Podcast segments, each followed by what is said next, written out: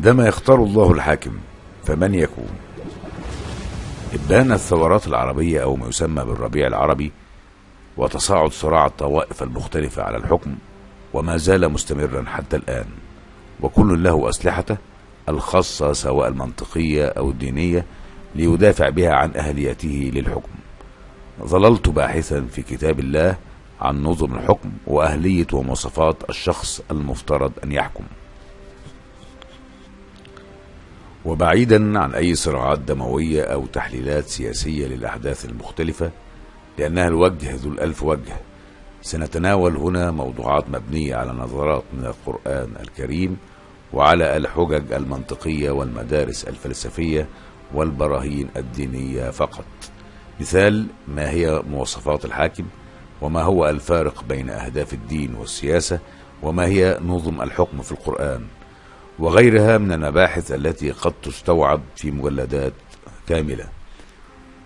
وسأكون مختصرا قدر المستطاع لأن خير الكلام ما قل ودل وأول ما تذكرته حينها مقولة تشرشل حين مر على قبر مكتوب على شاهده هنا يرقد الرجل الصالح والسياسي القدير مستر كذا. فعلق ساخرا كعادته أول مرة أجد قبر واحد به شخصين.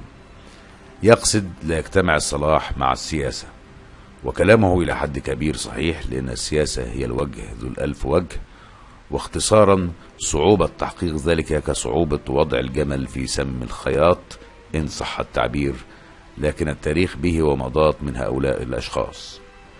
وحينما كنت أقرأ سورة البقرة توقفت مليا عند قوله تعالى ألم تر إلى الملأ من بني إسرائيل من بعد موسى إذ قالوا لنبي لهم ابعث لنا ملكا نقاتل في سبيل الله. قال هل عسيتم إن كتب عليكم القتال ألا تقاتلوا؟ قالوا وما لنا ألا نقاتل في سبيل الله وقد أخرجنا من ديارنا وأبنائنا. فلما كتب عليهم القتال تولوا إلا قليلا منهم والله عليم بالظالمين. ظل بنو إسرائيل بعد مجيئهم إلى فلسطين مدة ثم تعرضوا في تلك الفترة لغزوات الأمم القريبة منهم كالعماليق والآراميين وغيرهم. فمرة يغلبون وتارة يغلبون.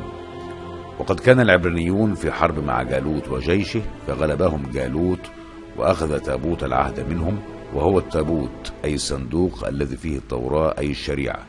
فعز عليهم ذلك لأنهم كانوا يستنصرون به. وعندما طلبت بني إسرائيل من نبيهم صموئيل ملكا من بعد موسى يجتمعون تحت قيادته ويقاتلون أعداءهم في سبيل الله حذرهم نبيهم إن فرض عليهم القتال في سبيل الله أنهم لا يقاتلون. لكن ما لم يذكره أحد إنه كان من المفترض هنا أن يكون قائدهم في هذه المعركة هو نبيهم صموئيل الذي بين أيديهم فهو أتقاهم وأعلمهم وموحي إليه من الله فأي قائد أفضل منه وهذه أول إشارة من القرآن إن صلاح الشخص فقط وتقواه حتى وإن كان نبيا فهو غير مؤهل للقيادة. ثم قال تعالى وقال لهم نبيهم إن الله قد بعث لكم طالوت ملكا. قالوا أن يكون له الملك علينا ونحن أحق بالملك منه ولم يؤت سعة من المال. قال إن الله اصطفاه عليكم وزاده بسطة في العلم والجسم والله يؤتي ملكه من يشاء والله واسع عليم. وبعدها يخبرهم نبيهم وهو موحي إليه من الله إن الله قد اختار لهم طالوت ولم يرضوا به ابتداء لأنه كان فقيرا وطمعوا في أن يكون أحد أشرافهم هو الملك. لكن الله قد اختاره ونقف هنا عند مواصفات اختيار الله للحاكم. نجد أنه أولا مصطفى من الله أي لتقواه وصلاحه وهي ابتداء يجب أن تكون أول صفة في الحاكم لكن لا تصلح وحدها كما أشرنا. ثانيا زاده الله بسطة في العلم.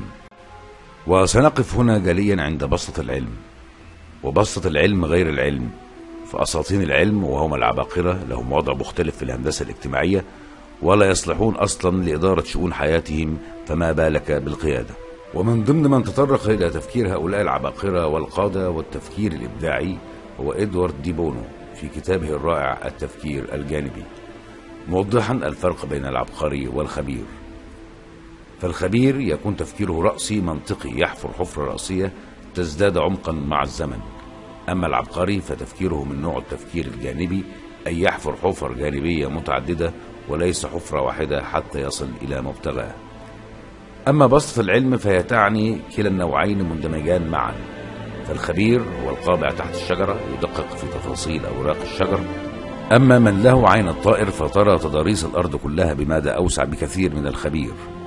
ومن أعلى وأسفل معا هو ما يسمى ببسطة العلم. فإذا غصت في البحر فسترى جمال الأعماق أما إذا نظرت من أعلى فستجد بسطة البحر ومعا هو بسطة العلم. لذا فهؤلاء الأشخاص المميزين المؤهلين للقيادة صعب اكتشافهم. فقد تجدهم غير نجحون في الدراسة ومقياس الذكاء آي كيو لا يتعرف عليهم. وأغلبهم يفشل في العمل الاجتماعي التقليدي. وغالبا ما يفشل في النظم الاجتماعية إثنان المميز والمأفون وبين النبي الحاكم ومؤهلات أفلاطون سنكمل في الحلقة القادمة إن شاء الله. دمتم على خير وتابعونا في الفصل التالي إن شاء الله.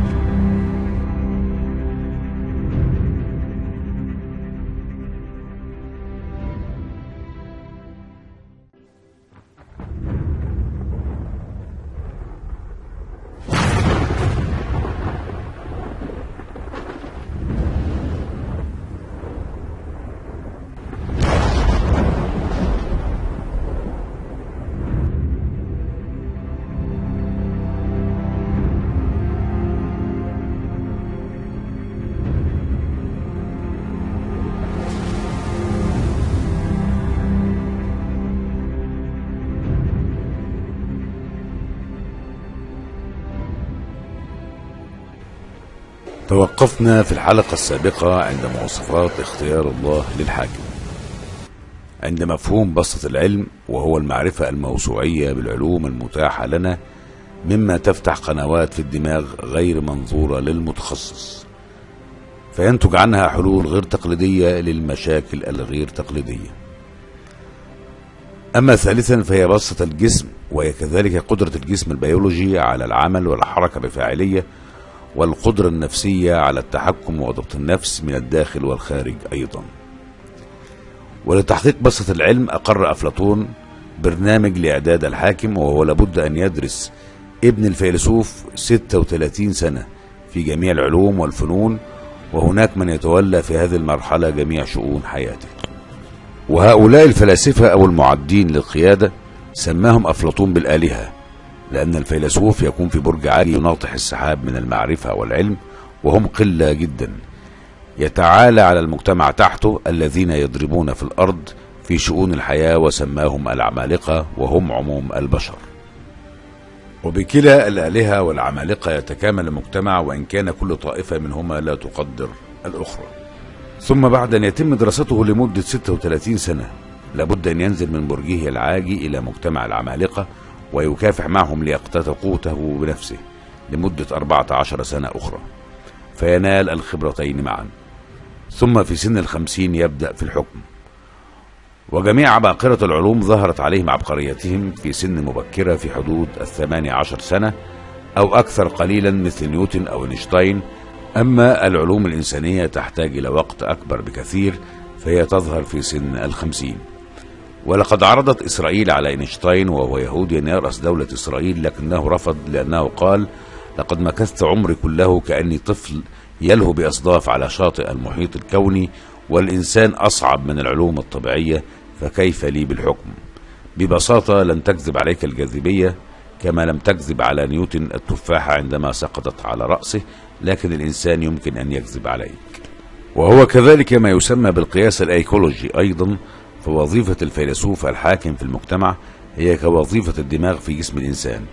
تتحكم في جميع وظائف الجسم وهي طبعا ليست بديل عن باقي أعضاء الجسم كالمعدة والكلى وغيرها فكل له وظيفته لكن من يسيطر على الجميع هو المخ. وهو ما يستعيد عنه حاليا في أمريكا بمجمع الفلسفة كدعم للحكم وكان من بين أعضائه الدكتور أحمد زوير رحمه الله. لكن هل كل نبي غير مؤهل للحكم؟ بعد النبي صموئيل وطالوت الحاكم اجتمعت النبوة والحكم في داود وسليمان عليهما السلام وأصبح مصطلح النبي الحاكم حتى النبي محمد صلى الله عليه وسلم. ومن هنا نجد أن الشخص قد يجمع بين صفة وأكثر حسب عطاء الله له. والنظام الأفلاطوني للحكم أو النظام الذي رضي الله عنه لا يتبع النظام الديمقراطي البحت. واختصارا الديمقراطية مصطلح مشتق من المصطلح الإغريقي وخاصة في أثينا وهي شكل من أشكال الحكم يشارك فيها جميع المواطنين المؤهلين على قدم المساواة إما مباشرة أو من خلال ممثلين عنهم منتخبين في اقتراح وتطوير واستحداث القوانين. والمصطلح مناقض لمصطلح أرستقراطية وتعني حكم النخبة. فكما ذكرنا آنفا الديمقراطية تعني في الأصل حكم الشعب لنفسه. وهناك خلط شائع بين الديمقراطية والليبرالية فالديمقراطية هي شكل من أشكال الحكم السياسي قائم بالإجمال على تداول السلمي للسلطة وحكم الأكثرية بينما الليبرالية تؤكد على حماية حقوق الأفراد والأقليات. فهنالك تقارب بينهما في أمور وتباعد في أخرى كما قد تختلف العلاقة بين الديمقراطية والعلمانية باختلاف رأي الأغلبية. أو هناك نوع آخر من الديمقراطية كالصين التي تدعى الديمقراطية الشعبية. فالديمقراطية تتناقض مع أشكال الحكم التي يمسك شخص واحد فيها بزمام السلطة كما هو الحال في نظام الحكم الملكي. ويعرف كارل بوبر الديمقراطية على النقيض من الديكتاتورية أو الاستبداد. وبالتالي فهي تركز على الفرص المتاحة للناس للسيطرة على قادتهم والإطاحة بهم دون الحاجة إلى ثورة. ومما سبق نجد أن اختيار الله للحاكم يختلف عن الديمقراطية لأنه ليس مبني على الاقتراع بالأغلبية. أو الليبرالية أو الديمقراطية الشعبية. لأنه نظام ملكي منتقى حيث ذكر الله تعالى لفظة ملك في قوله تعالى ألم تر إلى الملأ من بني إسرائيل من بعد موسى إذ قالوا لنبي لهم ابعث لنا ملكا نقاتل. والملكية المنتقاة ليست ملكية موروثة كما ظهرت بعد عصر الخلفاء الراشدين في الدولة الأموية والعباسية وهو ما يسميه النبي صلى الله عليه وسلم بالملك العضوض. وفي الحديث الصحيح قال رسول الله صلى الله عليه وسلم تكون النبوة فيكم ما شاء الله أن تكون ثم يرفعها الله إذا شاء أن يرفعها ثم تكون خلافة على منهاج النبوة فتكون ما شاء الله أن تكون ثم يرفعها الله إذا شاء أن يرفعها ثم تكون ملكا عاضا فيكون ما شاء الله أن يكون ثم يرفعها إذا شاء الله أن يرفعها ثم تكون ملكا جبرية فتكون ما شاء الله أن تكون ثم يرفعها الله إذا شاء أن يرفعها ثم تكون خلافة على منهاج النبوة. ثم سكت. فصدق رسول الله وجاء الحكم على هذا الترتيب فعلا.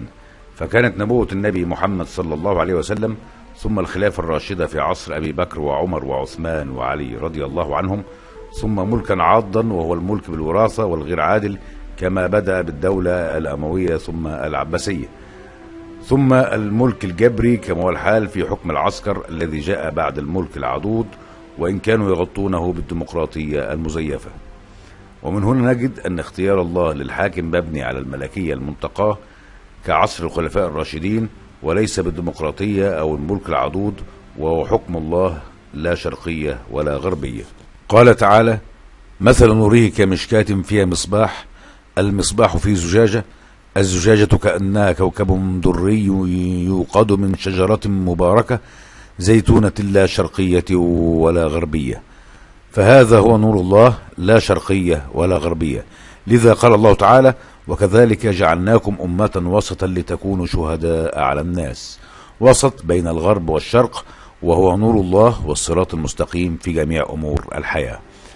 لكن نحن في عصر التقليد في كل شيء إما نقلد الغرب أو نقلد الشرق لأننا فقدنا نور الله من كتابه الكريم. قال رسول الله صلى الله عليه وسلم لا تتبعن سنن من كان قبلكم حذو القذة بالقذة حتى لو دخلوا جحر ضب لدخلتموه. قالوا اليهود والنصارى قال فمن؟ وهو التقليد الأعمى في كل شيء كما نراه اليوم. ومن لم يحكم بما أنزل الله فأولئك هم الكافرون فمن هم؟ وما هو كيفية الحكم الأوسطي وهل أهداف الدين هي نفسها أهداف الحكم؟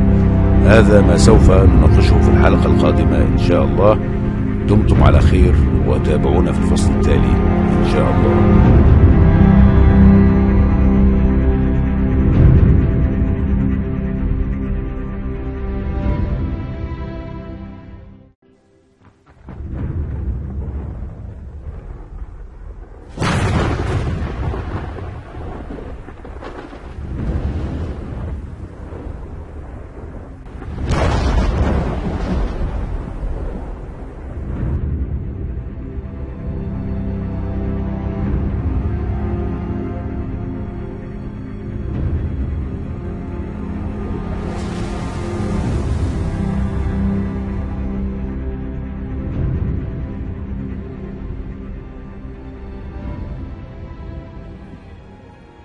توقفنا في الحلقة السابقة عند مفهوم الديمقراطية وحكم الأغلبية والمنهج الوسطي للقرآن الكريم لا شرقية ولا غربية.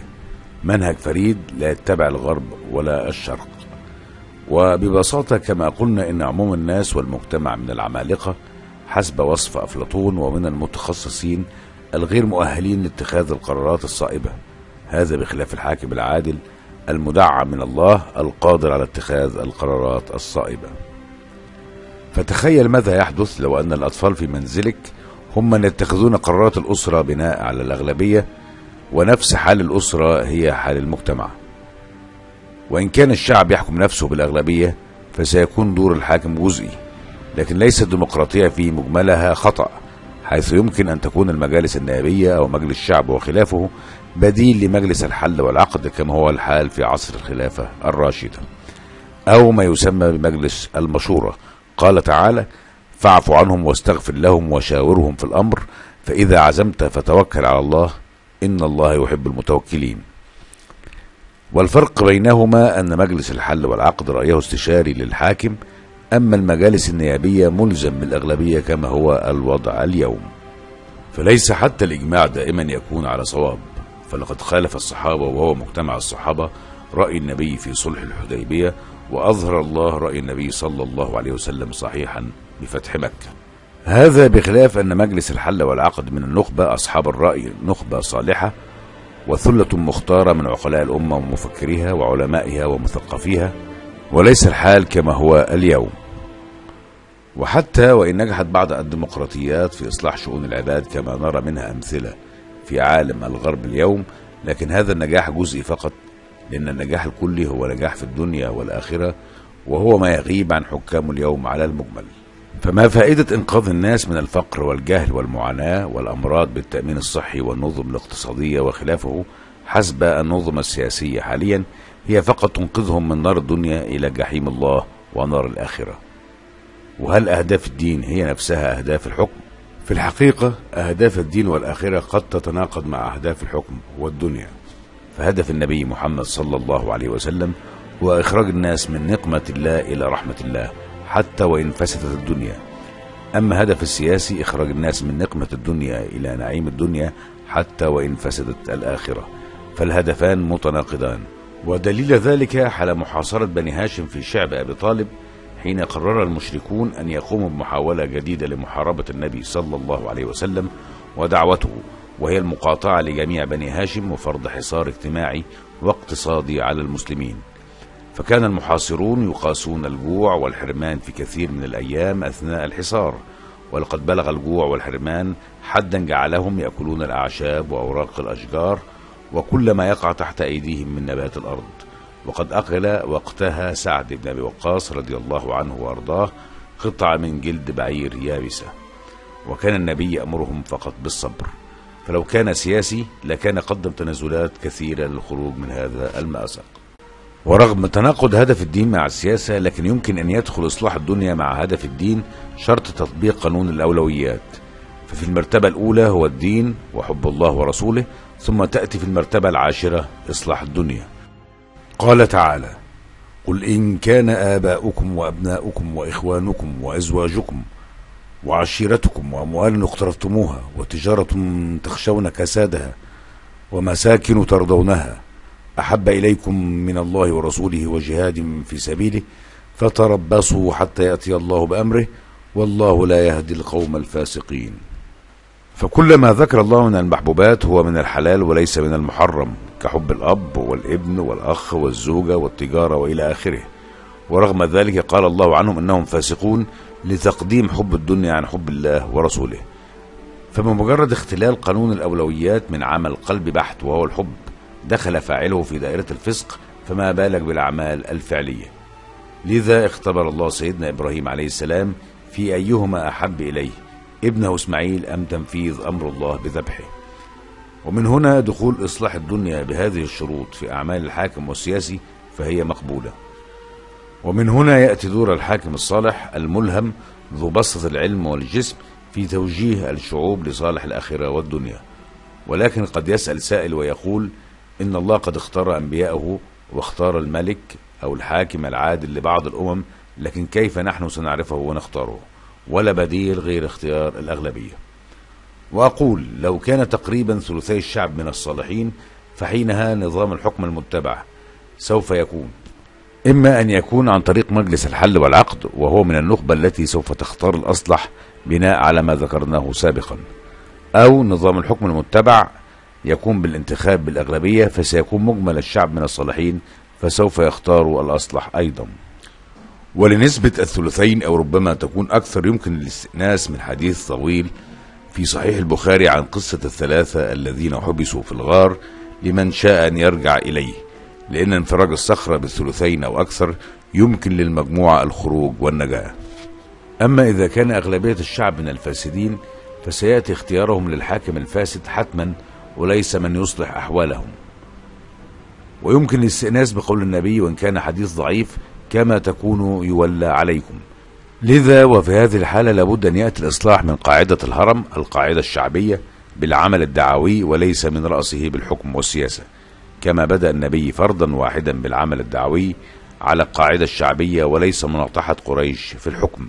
قال تعالى وعد الله الذين آمنوا منكم وعملوا الصالحات ليستخلفنهم في الأرض كما استخلف الذين من قبلهم وليمكنن لهم دينهم الذي ارتضى لهم.